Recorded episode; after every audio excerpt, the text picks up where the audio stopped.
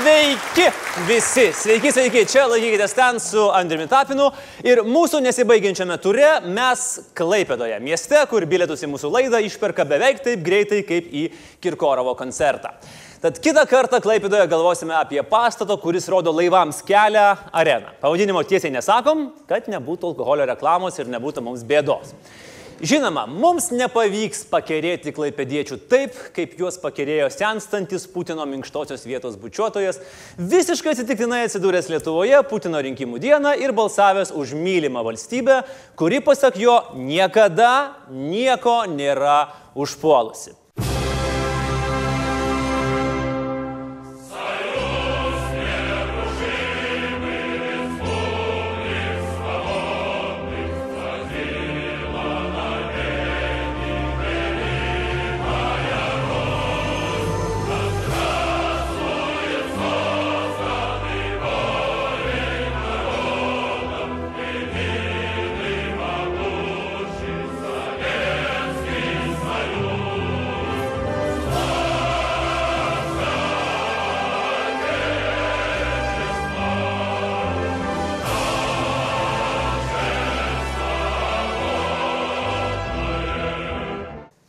Kremliaus filę pakerėjo ir Lietuvos portalus, kurie aprašinėjo kiekvieną žingsnį ir biuletenio įmetimą į urną pačiuose skaidriausiuose iš rinkimų.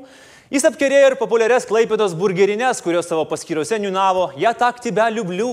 O prigautos teisinosi, kad mes nepolitikuoja, mūsų vertybės, seniuk, skanus maistas, pozityvas, viskas tvarkoja. Politikos su mada nepainiojo ir influencinimu užsimanti Instagramo mergaitė Karolina Meskino, kuris taipėsi su kepurė su užrašu Rasija.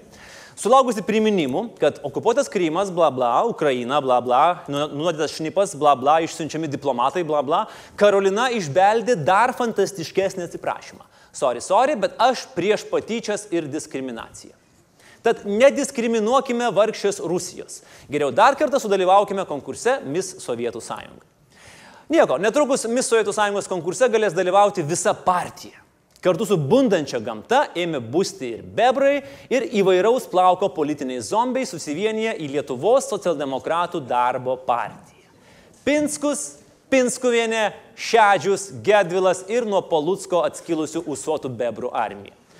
Kaip sakoma, nėra to blogo, kas nesusivienytų į partiją. Arba kaip pasakytų mūsų busimasis laidos svečias Edmundas Kučinskas, raudonom rožėm sninga. Raudonom rožėm sninga,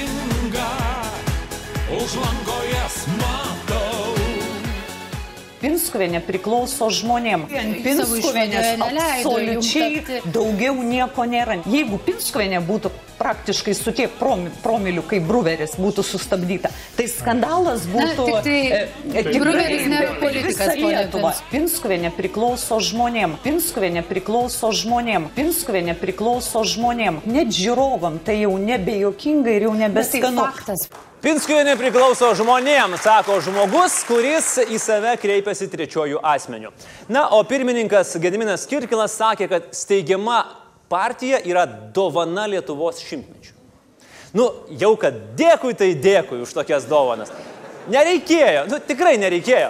Ir žinokit, čia Čia ne tas atvejis, kai vat, plojam ir iš mandagumo sakom nereikėjo, bet vis tiek tiesiai rankas įdomina. Nu, žinot, kaip būna. Net ne tas atvejis, kai koks nors valdininkas savivaldybė sako, nereikia, nereikia, o akim jau į stalčių rodo, kad jau dėk ten į vidų. Ne, ne, čia atvejis, kai iš tikrųjų Hebra nereikėjo. Jūs bandot viską įvinioti į tokį, nežinau, į tokį gražų šokoladuką, į tokį gražų šokoladinį zuikį, bet, žinot, įsivinioji, atsikandi, pasižiūri, o ten šečiaus gabaliukas. Bet ne vis... Gal tikrai šešios gabaliukas. Ne visi į politinį Frankensteiną žiūri įtariai. Ir čia yra mūsų rubrika Yra kam patinka. Pavyzdžiui, premjerui Skverneliui patinka. Skvernelis sveikino naują darinį, tikrosius socdemus prilygino komunistams ir dėjo vaizdų piktai klausdamas, kas turi teisę vadinti vieną ar kitą politiką usuotų bebrų. Atsakymas paprastas. Aš turiu teisę, Jūs turite teisę, jūs turite teisę ir jūs, mėla ponė, šeštoje eilėje irgi turite teisę. Tai yra vadinama demokratija Lietuvoje. Kol kas. Nes žinot. Užtrauk užkiškite burną šitam žmogui. Premjeras išreiškė palaikymą ir vyriausiosios rinkimų komisijos vadoviai, kalbėdamas, kad jos nušalinimu yra suinteresuotos neskaidrios balsus perkančios jėgos. Ir tuo pačiu metu išreiškė palaikymą neskaidriai balsus perkančiai politikai. Nes, nu žinot, naujas puslapis verčiamas, reikia vertinti pagal darbus ir visą kitą. O aš turiu klausimą vyriausybei. Ką jūs padarėte su tikroju skverneliu? Su principingu vadovu, vertybių gynėjų ir savo žodžio šeimininku? Kur jūs jį užkasėt? Kodėl pakeitėt kažkokių politinių kapinių sargų, besikalbančių su politiniais zombiais? Atsakykit.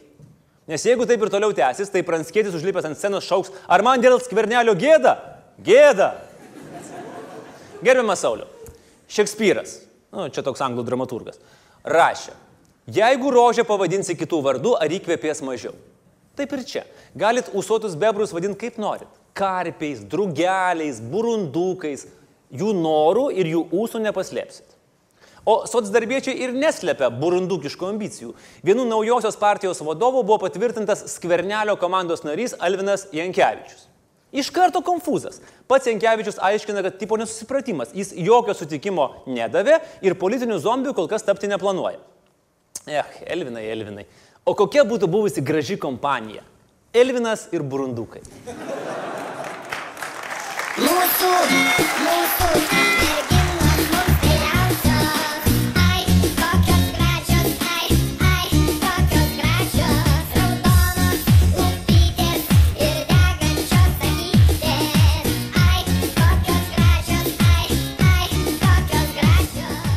Bet ne visi džiaugiasi zombi rundukais.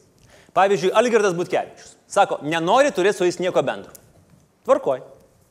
Žinokit, tikrinom už vakar vakar, šiandien, ryte, per pietus ir be 15.7. Nepersigalvoja. Gal užvalgė ko? Butkevičius apie partijos susiskaldimą atvirai pasakė. Atidaviau tiems žmonėms širdį, bet vėliau aš jų nebesupratau. Asmeniškai abejoju Butkevičiaus galimybėmis dainuoti, bet gautųsi visiškas hitas. Last elections I gave you my heart, but the very next day you gave beavers away. Bet ką mes čia apie liūdnus dalykus? Reikia pozityvo. Sveikinu visus įsivedus vasaros laiką, prasukus laiką valandą į priekį ir valstiečių ir žaliųjų valdymo laiką sutrumpinus vieną valandą. Nors tiek, na nors tiek. Dar yra kita, kita gera žinia. Seimo valdyba nusprendė, kad šimtmečio proga prie parlamento turėtų atsirasti 17 m aukščio koplytstulpis. Ką tik sakiau, kad blogesnės dovanos Lietuvai už LSDDP burindukus negali būti. A tai vad, ko gero, gali. Nes realiai gal bet kas būtų geriau. Plytstulpis būtų geriau. Tas pats koplytstulpis tik iš plytų. Robokop, robokoplytstulpis būtų geriau. Tas pats koplytstulpis tik tai su robokopu ant viršaus. O mes paklausėm Vilniaus mero Šimašiaus, ar dabar iš tikrųjų bet kas gali dovanoti miestui 17 m aukščio vertikalų daiktą. Ir jis atsakė, kad tokį daiktą, kokį jis matė, miestas gali priimti tik vietoje Seimo, o ne šalia jo. A, čia nebloga šovė Remigijų, nebloga, tikrai. Kitas dalykas - iššūkis ir Kaunui. Vroclavas, Lenkai nori jam padovanoti miesto simbolį - gnomą. Bet kauniečiai raukos. Nu, lenkiškas gnomas toks bardo melkas, tik 44 cm. Ne gnomas, o pažeminimas. Visvaldas yra sakęs, mūsų skulptūros turi būti šešis kartus didesnės nei Vilniuje. Taip kad Kaune ruoškis, 102 m aukščio lenkiškas gnomas su kryžium rankose jau bus pakeliui. Klaipėdai liūdniau. Nu, į tromboną prikišę 100 tūkstančių eurų čia jau nieko nenustebins. Bet užtat Klaipėdoje yra patvirtintas mėlynojo proveržio planas, pagal kurį Klaipėda turi tapti per dešimtmetį geriausia vieta gyventi ir investuoti ne tik tai Lietuvoje, Baltijos šalyse, bet ir visoje galaktikoje. Praėjusią savaitę užsiautė ir Seimo nariai valstiečiai. Levutės pasidalintas eilėraštis apie glaukominius nukvakusius senius jau tapo tautosaka. Kitas valstietis, buvęs policininkas Dainius Gaižauskas, demaskavo, kad mes Laisvės TV dirbame alko pramoniai. Kodėl? Nes gandriukams pretenzija dėl šmeišto surašusio mūsų advokato biuro adresas yra Jesinskio 16a. O, dramatiška pauzė, neįtikėtina, bet atskleista tiesa, kitame pastate yra įsikūręs MG Baltic koncernas, sako Seimo narys. Viskas. Aksioma. Panašu, kad kuo daugiau policijos pareigūnų perina dirbti į Seimą, tuo policijos darbas gerėja ir pasitikėjimas ją auga. Sulaukęs ovacijų dėl tokių šerlogiškų sugebėjimų, Seimo narys nepasimetė ir pasiūlė surenkti protestą Marijampolėje, nes reikia pratinti eiti žmonės į gatves. Seimo nariai, jūs gal ne žmonės pratinkit į gatves eiti, o dirbkite taip, kad žmonėms nereikėtų eiti į gatves. Dar vienas iš skurdo išbridęs Seimo narys Tomas Tomilinas e, selfinosi troleibuse ir tikino, kad niekas iš kartų važiavusių nedalyvavo proteste, nes negali pakęsti dvigubų standartų, nes jiems yra šlykštus visi, o ne tik kruopšiai parinkti niekšai. Citata. Paklausęs, ar tikrai visus apklausė dėl protesto, jis pasimetė ir pasakė, kad gal ir dalyvavo, nes jis pats dalyvavo ir džiaugiasi aktyvumu, bet po to atsigavo ir finišavo klasikiniu leiskit valstiečiams dirbti, kad laisvės vaisiais pasinaudotų visi, o ne saujelė tapino fanų. Pirmiausia, Dabar žinau, kiek Klaipėdo yra valstiečių. Pirmiausia, tai laisvės vaisiais dar daugiau žmonių galėtų naudotis, jeigu į darbą nevėluotumėt, ponas Tumilinai, nes įkėlėt šitą selfį 3 minutės iki posėdžio pradžios ir dar esate troleibuse. Tai žinot, kol atvažiuosit Vilniui. Jūs, bet jūs tik vykdykite savo programą. Dievaži, Lietuvai dar niekada taip nereikėjo struktūrinės mokesčių reformos, švietimo, viešojo sektoriaus reformos. Bet, nu kur jos? Vykdykite savo programą. Bet Visų pirma, atpiginkit vaistus. Čia svarbiausia. Ypač atminčiai gerint. Nes jūsų lyderis vėl pamiršo deklaruoti beveik milijono eurų sandorį. O vad ko nepamiršo, tai pasirūpinti, kad frakcija pasirūpintų dar vieną ištikimą blondinę, šį kartą Vyriausiosios rinkimų komisijos Laura, kuriai naisių žemė yra tiesios žodis, o naisių vasara yra viso labo akis drekinantis gražus serialas. Tiesiog taip ir matau, kaip kalbasi susibėgusios Laura ir Greta. Jis toks, net nežinau, aš niekada nebuvau sutikusi tokio vaikino. Aš jį vis iš naujo įsimyliu. Aš maniau, kad tokie vaikinai jau išnykė kartu su dinozaurais. Jis gražus, mandagus, atidus, darbštus. Jis negeria, Jurga, jis, jis tobulas, jis tobulas. O. Neįsi vasarą, ponės ir ponai. Geriausia, ką galėjote matyti per nacionalinį transliuotoją. Na ir savaitę uždarė dar vienas valstybės įmonės Stasys Tumėnas, pateikęs pavyzdžius, iš ko reikėtų mokytis jaunai Lietuvos demokratijai. Ar jums netrodo, kad jums reikia tiesiog paprašyti ir leis konstruktyviai dirbti, kalbėti, susikalbėti? Ir reikia mokytis iš Šiaurės ir Pietų Korejos. Oi, siaučia mūsų Seimo nariai, o dabar noriu pasakyti visiems tai, dėl ko pusė Lietuvos įsijungia LRT transliaciją iš Vatikano ir kantriai laukia, kol popiežius išsolfedžiuos visas kalbas ir pagaliau prieėjęs prie mūsiškės pasakys lenksmų šventų Velykų. Ir tada Lietuva išjungia transliaciją. Nes iš to ir kilęs pavadinimas Vatikanas. Vatikanas pasako ir lietuviai išjungia transliaciją. O stačiatikiai iš viso neįsijungia, nes dabartinis Rusijos patriarkas Kirilas akivaizdžiai gyvena ne Vatikane, o Vatnikane. Norėjau pasakyti, visus su Velykom, su vienintelė diena metuose, kai prisiminsit, kad paskutiniam surašyme įvardėjot save Romos kataliku ir nueisit į bažnyčią. Nes per kalėdas biški šalta, plus piemenėlio mišios kažkokiu bedievišku laiku, per žolinę gali būti geras oras, tai prie žeriuko geriau paliekti ir lieka Velykos. Ar žinot, kad prieš šimtą metų tai buvo pirmos Velykos nepriklausomoje Lietuvoje? Tik nelabai kas žinojo, kad jų nepriklausoma. Taip, aktas buvo paskelbtas ir netgi vokiečiai tipo jau pripažino nepriklausomybę. Bet realiai viskas buvo kaip ir anksčiau. O Velykos buvo kitokios. Lietuviškai bent jau miestuose nebuvo kam švęsti. Vilniuje šventė Lenkai, Žydai šventė savo Peisach, bet kitų metų, Rusai savo Velykas, bet irgi savo laiku. Kaune vėlgi lietuvis buvo galima suskaičiuoti, jeigu ne ant vienos, tai ant kokių 500 rankų pirštų. Klaipėda iš vis nežinojo, kokiai šaliai tada priklauso. Tai ten ir žmonės, ir žuvėdras priskaičiavo, vis tiek lietuvių nebuvo. Bet visur Velykas šventė vokiečiai. E, šventė savotiškai, devintą kailį lūpdami iš ūkininkų rekvizicijomis ir rinkliavomis. Na, o dabar visur vien mūsiškiai. Visi švenčiam kartu už vokiečių pinigus, kuriuos gaunam iš ES fondų. Teisybė yra, bet nereiškia, kad reikia pamiršti senas tradicijas. Viena iš tradicijų yra žalumynai ant stalo. Na, seniau daigindavo avižas ir taip jomis puoždavo stalą. Nu, dabar bijau sėklą, kad būtų iš agro koncerno, trašos irgi, tai kas nors apkaltins reklama. Tai geriau nepradėkime. Kita tradicija - kaimo bernai eidavo per trobas ir kaulydavo iš mergų margučių, mozūrikų, nu, tokie piragėliai įdaryti daržovėmis. Ir jeigu kuri mergina viską išdalindavo, tai bernai ją temdavo į tvartą ir tupdydavo ant tos vietos, kur vištos dėdavo kiaušinius. Kalbama, kad kai kurios kaimo panos, na tos, kurių rečiau kviesdavo šokti, specialiai nieko neduodavo, kad tik jas bernai patampytų. Lygiai taip pat kalbama, kad bernams tiek nusibosdavo tik kiaušiniai ir mazūrikai, kad jie melzdavosi surasti kokią nepyragingą paną, kad grinai, nu, čistai profilaktiškai paniurkytų. Buvo nekalti laikai. Šiais laikais jau taip nebūtų. Po tokių Velykų visuose portaluose būtų įkaltas straipsnis. Ir tada jie pradėjo tempti mane į pagalbinės žemės ūkio patalpas. Buvau išgerusi, nesipriešinau, tie vaikinai buvo mano mentoriai, tikėjau jais. Tik jau patupdytą į vištos kraikę pasijutau be galo nejaukiai. Bet svarbiausia tradicija, žinoma, buvo ir tebėra matavimasis kiaušinių tvirtumu. Jau tada atsirado pirmieji dopingo atvejai, mat būdavo nesažiningų sportininkų, kurie atsineždavo medinius kiaušinius. Kiaušinių kietumu matuojamės ir dabar.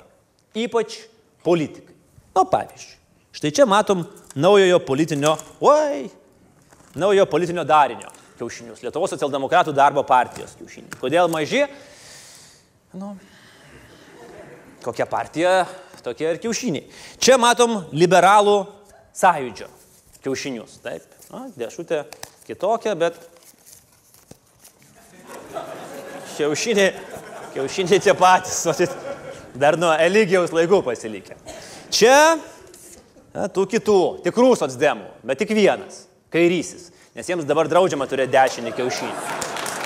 Plus, jeigu įsižiūrėsit, dar matos ir skilimas per kiaušinio vidurį. Taip, čia toks įdomus margutis, krekždutės margutis. Matot, koks šviežias, lygus, toks kaip iš paukštyno ką tik paimtas. Nors, žinot, tik atrodo gražiai, vat nėra tvirti. Sumuštum su kitos spalvos margučiu ir, nu, jaučiu, kad duštų. Na, o čia, ponai, Nu ką jūs lieptis. Čia kiaušinių alfa ir omega, kiaušinių cheopsas ir eskaladas. Nes būtent tokius reikia turėti, kad mitingė mestum pareiškimą, jog po priešlaikinių rinkimų valstiečių Seime bus dar daugiau. Sakot, netikras, virtualus, na, kokie pažadai tokie ir kiaušiniai. Ir čia dar mano rankose yra Seimo nario skardžia beržė kiaušinis. Aišku, užsakytas Rusijoje ir labai brangus valdančiai koalicijai. Todėl bus labai saugomas, kad tik nesuduštų. Ir dar turim du paprastus rudus kiaušinius. Štai čia vienoje rankoje ir kitoje rankoje. Tai čia yra mūsų praimo kiaušiniai. Sakot, neipatingi? O, gali būti teisūs. Bet nepamirškit, kad jeigu kilus negandoms valdžioje šitos kiaušinius šiltai prisėsi ir viešai neridinėsi, tai ne, ne, ne, aitveras išsiris, tiesiog skandalas praeis, o tikimybė, kad kitų metų gegužę ant kiaušinių atsiras grifo ir vienaragio prezidentinis herbas, gerokai padidės. Na, o čia, čia, čia ne kiaušinis, čia rinkimų metafora. Vat mums visiems prieš rinkimus žadavo tokį šokolado gabalą. Tu jį išlupi, atsidarai, nu, kaip, šokolado vos čiut-čiut. Nu, bet tada tikiesi, kad jau viduj bus kažkas gero. Nu, atsidarai viduj ir ką tu žiūri, va čia, ką mes išsirinkai ir op, Ir matai, va, žmogų bitutę. Ir tu supranti, kad kaip ir normalus žmogus, kuris valgo kinderius, tu iš karto nori kito kinderio, bet supranti, kad kitą gaus tik po ketverių metų. Ir aišku, gali pykti, gali reikalauti kito kinderio čia ir dabar, bet niekas neduos. Tikrai neduos. Niekada neduoda. Ai, dar turėjo būti vieni. Va čia. Čia yra nematomi kiaušiniai. Seimo pirmininko. Nematot? Būtent. Bet čia yra tokie pagoniški atributai. Reikia kažko dvasingesnio apie prisikėlimą. O jeigu reikia, tai Seimas visuomet pasiruošęs padėti prisikelti ir jau yra pritarta konstitucijos pataisoms leidžiančioms prisikelti Rolandui Paksui, kuris jau tuoj galės kandidatuoti, kur tik širdelė geidžia. Lažybų kontoros jo šansus laimėti prezidento rinkimus vertina vos vos prašiau, nei šansus, kad iki 2020 m. Vilnius turės stadioną, arba kad Beckingemo rūmų pievelėje nusileis skrendantį lėkštė, iš kurios išlips ufonautai ir pasipirš Borisui Johnsonui. Tai, bet vis tiek, argi ne prisikėlimas, argi ne stebuklas ir iš tiesų paksas yra tinkamiausias Velykų simbolis Lietuvai. Jėzus yra trečias pagal populiarumą filmų herojus, gerta Napoleono ir Abraomo Lincolno. Paksas pagal populiarumą yra trečias nuo galo. Ir apie jį yra sukurtas vienas filmas ir tas pats vadinasi Pilotas. Ir pagal įdomumą yra tarp Janutinis laidų ir Naisių vasaros penkto sezono. Jėzus įjojo į Jeruzalę ant asilo. Paksas įskrido į Vilnių po tiltų.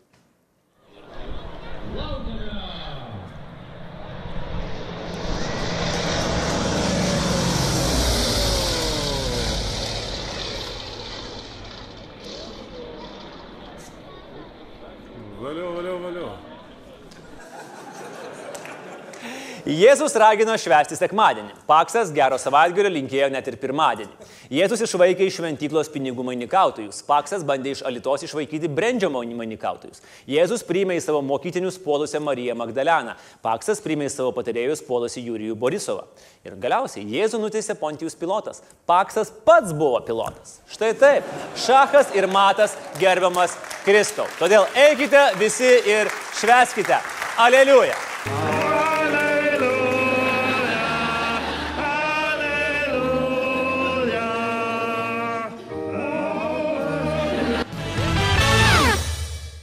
Valentina Tereškova, Maukis Kelnes, Gulki Lova.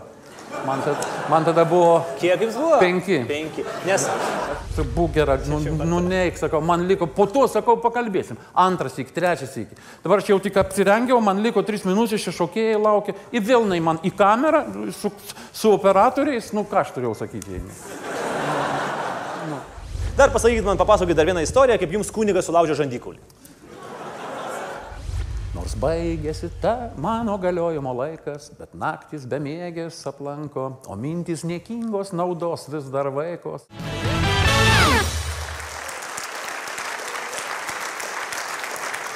O dabar metas pagrindiniai laidai. Pakalbėkime apie vieną reikšmingiausių šio tūkstantmečio išradimų - Facebooką. Patinka ar ne, bet pripažinkim, Facebookas nukonkuravo kitus tinklus ir tapo dominuojančia tiek laisvalaikio priemonė, tiek darbo priemonė, tiek darbo laiko švaistimo priemonė. Kai jis nulūšta, produktyvumas Lietuvoje padidėja dvigubai. Nes ką tu darai, kai reikia dirbti? Eini į Facebooką. Ką darai, kai nereikia dirbti, eini į Facebooką. Ką darai, kai yra pilnatis, tau galvoj balsai liepia išsiriekti ant iliuminačių ir žydų masonų, eini į Facebooką. Ką darai, kai nori pasitikrinti, kiek tu turi tikrų draugų, eini į Facebooką, įkeli nuotrauką ir žiūri, kiek draugų palaikino. Nuėjai į sporto klubą, bet pamiršai papausinti Facebooką, ėjimas neužskaitomas, kalorijos grįžta. Užsisakė patiekalą, bet tik įpusėjęs prisimeni, kad nenufotkinai ir nepapaustinai į Facebooką ir Instagramą, užsisakai dar kartą. Facebooko įkūrėjo Marko Zuckerbergo vardas dažnam praktikuojančiam katalikui geriau pažįstamas negu bet kurio iš 12 apaštalų ir per šitas Velykas Facebook'e praleisim daugiau laiko negu bažnyčiai. Ir jeigu ne Facebookas, mes galbūt niekada nebūtume išsiaiškinę, kokią poeziją mėgsta Levutė Staniuvinė, arba sužinoję apie Gražinos Gabrilavičinės iš pamūšio kaimo talentą pamėgdžioti paukščių ir žinduolių balsus.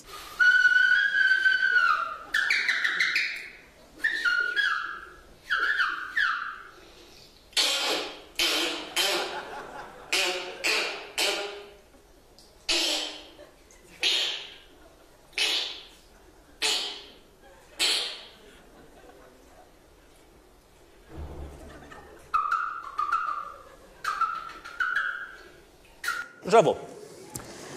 Upsalos mokslininkai nustatė, kad Facebookas pokalbių susitinkus seniems draugams sutrumpino maždaug vidutiniškai 17 kartų.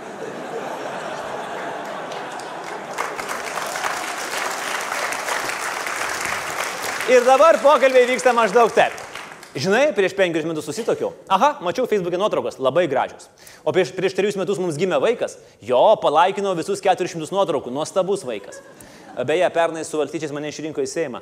Jo, mačiau ir šitą. Nu tai, nu tai iki kito karto. Sėkmės. Bet šiandien kalbėsime ne apie draugų katinukų nuotraukas ir ne apie mūsų Seimo narių užjudėjimus Facebook'e, bet iš karto įspėju, kiekvienas jūsų laikas vėliau gali būti ir bus panaudotas prieš jūs.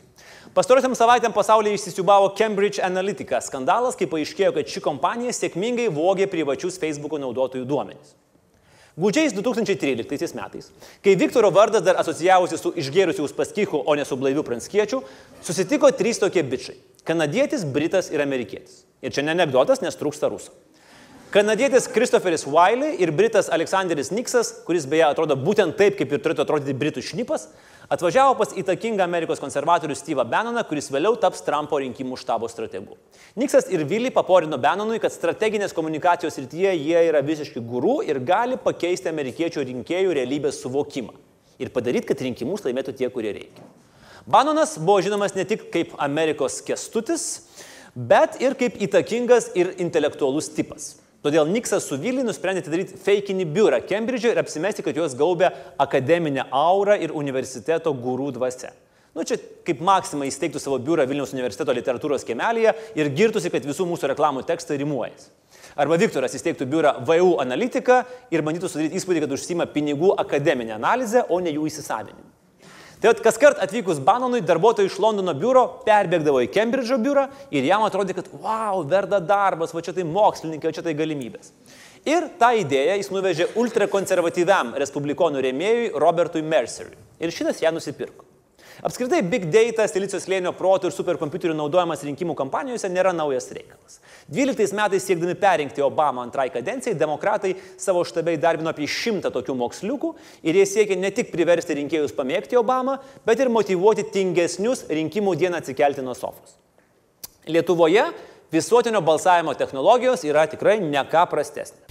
Nuo 19 valandos prasidėjusioje akcijoje visi referendume dalyvavę rinkėjai iki parduotuvių darbų pabaigos už vieną centą gali įsigyti bet kokios rūšės lietuviško alaus butelį, bet kokių skalbimo miltelių pakuotę sveriančią nedaugiau nei 600 gramų, lietuvišką šokolado batonėlį arba pusantro litro pas mus pagamintų vaisvandenių. Ir vad išsprendėm visą savo ateitį valstybės maždaug keliasdešimčiai metų į priekį. Vėliau perėjom prie kinematografinių sprendimų. Na, o savivaldos rinkimuose mūsų big data kol kas yra geriausiai pavaizduojama kaip apklausos širvintose. Balsuosiu už Pinskuvienę, gausiu darbo. Bet pasaulyje big data rinkimuose yra svarbu. Ir štai toks profesorius, Aleksandras Koganas, Cambridge Analytica vyrukams pasiūlė veiksmingesnį ir pigesnį dalyką negu tai, ką jie darė iki tol. Facebooko programėlė This is your digital life. Ji vartotojui leido susikurti savo psichologinį portretą. Programėlė veikia panašiai kaip ir dauguma kitų, kurias visi puikiai žinome. Sužinok, kaip atrodytum kalėjime, arba sužinok savo tikrąjį pašaukimą, arba sužinok, kokia žvaigždė būtum, jeigu būtum. Ir beje, du iš šitų yra tikri mūsų politikų atlikti testai Facebook'e, o trečias yra tiesiog realybės vizualizacija. Bet Kogano programėlė buvo tik masalas. Naudotojai buvo pasakyta, kad jo duomenys bus panaudoti akademiniais tikslais. Ir davė čiut čiut pinigų, po porą dolerių. Ir visi laimingi. Koganas turi jūsų duomenys, jūs turite 2 dolerius ir savo psichologinį portretą. Bėda ta, kad programėlė leido pasiekti ne tik tai ją parsisiuntusio žmogaus duomenys, bet ir visų jo draugų. Užteko, kad programėlė pasinaudotų 270 tūkstančių žmonių ir 50 milijonų naudotojų duomenys yra Kogano kišenė. Užtruko keletą mėnesių. Ir kol visą tai vyko, Zuckerbergas matyt žaidė Candy Crush sagą ir nematė, kaip nuteka milijonų vartotojų duomenys. Kita bėda, kad Koganas perdavė, arba tiksliau pardavė duomenys tretiesiems asmenims. Nu, tiems patiems Cambridge'ams. Ir tai jau buvo aiškus Facebook'o protokolo pažeidimas. Koganas teigia net neįtaręs, kad daro kažką negerai. Nu, čia taip pat kaip pavyzdžiui, tu pasisiūlai pavėdžioti kaiminės tetutės Jorkširiuką ir paskui parduodi jį prie artimiausios kebabinės. Nu, ne tam, ką dabar pagalvoju. Tiesiog tuo metu kebabiniai buvo žmogus, kuris labai labai norėjo nusipirkti orkšyriuką. Ir tada grįžti į pastatutę ir nesupranti, kodėl jį dabar rauda. Ką padarė Facebookas išriškėjus pažeidimui? Pirmą, jis tyliai išjungė duomenų apie draugus perdavimo funkciją. Nu, lemba pagalvoja, gal čia nesužiūrėjom, bet taip tyliai pagalvoja. Nu, žinot, kaip lifte kažkas pirstelė ir sustingsta, tikėdamasis, kad gal niekas nepastebės. Paskui Koganui ir Cambridge Analytica liepė visus duomenys ištrinti. Čia ir dabar. Nu ir jie persižignojo, kad jau, nu jau va tuoj, beveik jau tuoj, tuoj. Trynė, trynė, bet kai kompiuteris paklausė, are you sure you want to delete all the precious information that you've paid a lot of money for? Kažkaip neišsitrynė iki galo. Zuckerbergas tikriausiai pasidžiaugė, kad atliko visas procedūras ir ramiai nuėjo miegoti. Bet vaikeli, vaikeli, jeigu tavo uždaram ir kieme vyksta tokie nečysti dalykai, nu ilgai negali ramiai miegoti. Va taip ir atsitiko. Kažkas tam prakeiktam lifte užuodė negerą kvapą. Cambridge Analytica sukurtas algoritmas iš jūsų ir jūsų draugų profilių galėjo paimti bet ką. Paustus, laikus, netgi žinutės. Viską. Bet visko jiems nereikėjo. Jiems reikėjo žmonių, kurie gyvena konkrečiame regione, turi balso teisę ir pagal psichologinį portretą tikėtina prarytų numestą jauką. Ir tam visiškai pakako laikų. Pat ir pradedam kalbėti apie realybės suvokimą ir jos iškreipimą. Anksčiau tam, kuriam nepritari, sakydavai, kad tu čia nusišneki. Dabar jau reikia sakyti, kad tu čia nusilaikini dabar. Vartotojo paveikslas kūriamas pasinaudojant bet kokią informaciją apie žmogų. Užtenka nusiti ryšį tarp kintamųjų ir jau galima prognozuoti. Temos pradžioje juk sakiau, kad visi laikai bus panaudoti prieš jūs. Sakiau. Nu, pavyzdžiui, pavyzdys. Politikas norintis jūsų balso pasakė, kad šiemet per Velyką su šeima eis į bažnyčią. Variantas. A. Pagal surinktą informaciją žinoma, kad jums religija nelabai prie širdies. Dėl to jūs gausit antraštę. Politikas į bažnyčią eina tik kartą per metus. B. Jūs esate tradicinis didžiųjų švenčių katalikas. Antraštė jums. Politikas su šeima tradiciškai lankysis Velykų mišiuose. Variantas C. Jūs esate Linas Kukuraitis kvadratu pakeltas iš Agnės Širinskinės. Gaunate antraštę. Politikas Velykinių mišių neišmainytų į nieką pasaulyje. Skamba nerealiai, bet tai jau vyksta kūriamos žinutės, tikrinama, ar jos veikia rinkėjus. Prie to dirba psichologai, dizaineriai, videografai, fotografai, kūriamos interneto svetainės, blogai. Ir viskas, ko gali prireikti auditorijai, norint sušerti tinkamą dozę. Ta dozę mes patys susirandam, pasimam ir mums atrodo, kad mes sprendimus priimėm niekieno neveikiami. Nu, norit paprasto pavyzdžio. Pamenat, kai po dienos pietų neaiškioji valgyklai susuko pilvą ir darbiniam kompiuteriu skubiai googlinat, kokį čia vaistą geriau pirkti. Grįžtat namo, atsiverčiat laptopą ir jau matot smektos reklamą. Arba, pavyzdžiui, googlino darbe didžiausi pasaulio melagiai. O dabar jums non-stop meta naistų vasaros reklamą. Sklando kalbos, kad Mykolo Majausko spam folderis yra neišvalomai užsikišęs nuo salių nuomos išleistuvėms reklamų. Saulis Kvernelis iki dabar gauna naujausių greičio radaro apžvalgas, o Klaipėdos merui neaišku, kodėl jam vis dar siūlomi panaudoti trombonai. Bet reikia pripažinti, Lietuvos politikų realūs profiliai būtų sunkiai įkandami duomenys siurbintiems Facebook analitikams. Imam lietuviškus pavyzdžius. Va čia yra real deal. Ramūnas Karbauskis. Facebook'e mėgsta viską, kas susijęs su naisiais, gandralyžiais ir agrokoncernu. Tvarko, viskas čia aišku. Bet tuo pačiu jis Facebook'e mėgsta bronių matelį, realybėje jau nebe, nes niekšas ir išdavikas. Smagus faktas, vienintelė televizija, kuri patinka Ramūnui, yra TV3. Išvadas pasidarykit patys. Ir taip pat Cambridge Analytica darytų išvadą, kad Karbauskis ruošiasi emigruoti, nes jam patinka Boathouse Mallorca puslapis ir jis priklauso grupėms freelancerių darbo pasiūlymai ir Anglijos lietuviai. Gindutas Paluckas irgi būtų kietas riešutėlis analitikams. Jam patinka ir Breitbart, ir Keulė Rūkė, ir grupė vienijanti tik radviliško merginas, ir grupė skambanti kaip paslėptas porno puslapis Social Democratic Memes for Gindutas Paluckas Voting Teens. Radviliškiečių merginų vietoje aš šiek tiek sunerimčiau. Ką Paluckas daro jūsų grupai? Sunku būtų įvertinti ir Gedimino Kirkilo profilį. Septyniose vietose yra laikinama Hamako parduotuvė, taip pat puikių suknelių puslapis, grupė Aš prieš Europos Sąjungą, Europos komiteto pirmininkas beje, buvęs. Viena smagesnių Kirkilo grupių - gėjai ir vegetarai, ar tai ne tas pats? Ir LSDP. Tai paskutinis dabar automatiškai atkrenta. Na, o analitikai sakytų, kad Kirkilui norėtųsi išstoti iš ES ir vilkinti puikią suknelę suptis hamake, bet kad šalia nebūtų nei gėjų, nei vegetarų. Konservatoriaus paviljonio žygio profilis visoks koks patriotiškas ir katalikiškas, bet tuo pačiu metu jis priklauso vatnikų grupiai prieš sisteminę žiniasklaidą, grupiai aferistai viešojoje erdvėje, kas labai savikritiška, aš taip sakyčiau, ir jam patinka Valstyčių žaliųjų sąjunga ir Kestudis Daukšys. Vėlgi, yra kam patinka. Tegu laikinais, ką nori, tik, tik kad prie vaikų nelystų. Agnė Širinskinė laikina Utenos Dievo apvaizdos parapiją, Kauno arkiviskupijos šeimos centrą, Kauno seserys Benediktinės, Šiaulių Švento Ignaco Lojolos bažnyčią, šeimotyrą ir litiškumo ugdymo programą. Taigi, pagal Cambridge analitiką, ji yra Agnė Širinskinė. Cambridge atvejais manipuliavimas ne atskirų žmonių, o visos šalies psichologija. Jų uždavinys buvo pakeisti politiką. Tam reikėjo pirmiausia pakeisti kultūrą. Tam reikėjo pirmiausia pakeisti atskiro žmogaus realybės suvokimą ir pasaulyje žiūrą. Čia tau ne kalendoriuką Rolandėlis kėdas riešutėlis rinkėjų įduoti. Divide et impera. Skaldyk ir valdyk. Cambridge Analytica būtent tai ir darė. Niekas nelipo aikštėje ant taburetės ir neaiškino, kokios pažiūros yra teisingos ir už ką reikia balsuoti. Kiekvienam rinkėjui buvo tyliai šnipždama jausi. Vienam vieną, kitam kitą. Tokia supriešinta visuomenė buvo daug lengviau valdyti. Pavyko? Akivaizdu. Akivaizdu, kad kažkas Džordžo Orvelo kūrybą palaikė ne įspėjimu, o įkvėpimu. Ir šią šaunę 10 milijonų Facebook kompaniją Cambridge vyrukai pirmiausia panaudojo per sėkmingą Nigelo Faražo Brexito kampaniją, o vėliau ir per Trumpo laimėtus rinkimus. Praėjusią savaitę Britų Channel 4 atskleistame slaptame įraše savo įtaką paaiškino patys Cambridge Analytica atstovai. Have you met Mr. Trump? Many times. You have? We did all the research, all the data, all the analytics, all the targeting. We ran all the digital campaign, the television campaign, and our data informed all the strategy. They're politicians, they're not technical. Right. They don't understand how it works. They don't understand because the candidate never is never involved. He's told what to do by the campaign team. So candidate's the puppet. Always. Right, right, right. But in every election, well, nearly, Ir štai čia yra iš tikrųjų stipru. Kandidatas tai yra marionetė daranti, kas jai pasakyta. Visada, sako Cambridge Analytica vadovas Aleksandris Niksas. Tame pačiame įraše jis dar juokiasi iš Amerikos valdžios mėginimų išaiškinti, ar jų veikla teisėta.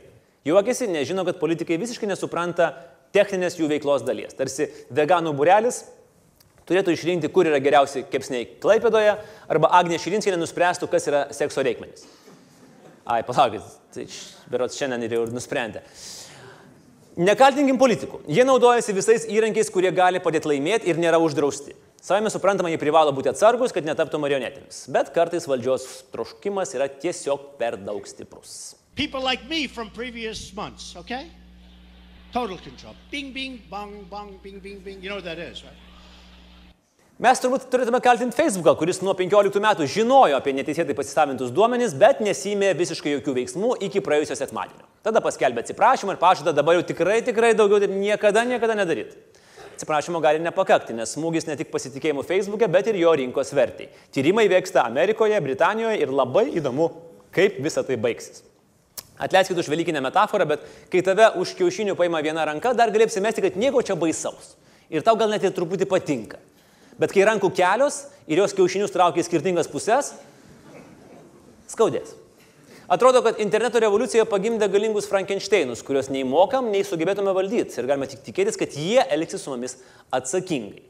Kitas variantas prisijungti prie judėjimo Delete Facebook arba ištrink Facebooką, kurį dabar smarkiai įkvėpia vienas iš WhatsApp įkūrėjų Brianas Actonas. Bet Facebooko profilio ištrinimas yra veiksmas iš aukštosios matematikos ryties. Lengviau nusikryžiuoti save pačiam, negu savo ranka deaktyvuoti savo Facebooko paskyrą. O mes patys turime būti atsakingi už savo veiksmus. Dabar 18 metai ir internete kiekvienas privalo elgtis atsargiai. Reikia įsisamoninti, kad gyvenam tokiame amžiuje, kai kiekvienas nekaltas nuslydimas, naršant. Kiekvienas pasitikrinimas, kaip atrodytum, jeigu būtum mafiozas. Kiekvienas pustelėjimas ant reklamos gali rinkti informaciją apie tave tau nežinant. O jeigu jau paspaudimas sutinku, iš tikrųjų sutinki, kad tavo duomenys būtų kažkam prieinami, tai patikėk, tais duomenimis kažkas ir pasinaudos. O jeigu po šios laidos visgi nuspręsit ištrinti tą Facebooką, kad jį kur, mes jūs tikrai suprasim. Tik jokių būdų nepameskite galvos. Geriau spauskite varpelį po šio video, užprenumeruokit mūsų YouTube, o mes toliau sveikinsime mūsų jauną, realybės suvokimo jausmo nepraradusią demokratiją.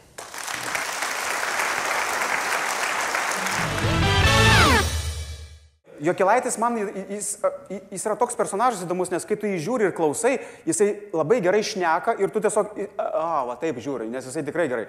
Bet ką jis daro, tai yra tikrai unik, nes jis va sėdi, sėdi ir, ir jisai užduoda klausimą, pasikelia. Jisai ten atrodo, kai skirminų turi, žinai. Paimu už rankos, kad drąsiau būtų, nes tipo aš padėti valdysiu tada dažnai. Užvedu už to sieną, sakau, sakau, va žiūrėk, sakau, čia, čia mano naujas pirkinys. Ir jinai vėl apsirengė ir išeina pro duris. Žmonės iš Vilniaus į Klaipėdą su žiedais nevažiuoja. Šiaip, linkėjimai Klaipėdėti. Taip. Esu gerų istorijų girdėjęs. O, už, už tai, už tai. Už Klaipėdėtis. O. Ir tai yra viskas šio vakaro laikykitės ten. Ačiū visiems, kurie buvo šį vakarą su mumis. Ačiū Klaipėdai. Iki pasimatymo po savaitės. Žiūrėkite mūsų YouTube, laikykite mus, prenumeruokite ir pasimatysime kitą savaitę. Ačiū ir laikykitės ten. Iki publika. Ačiū.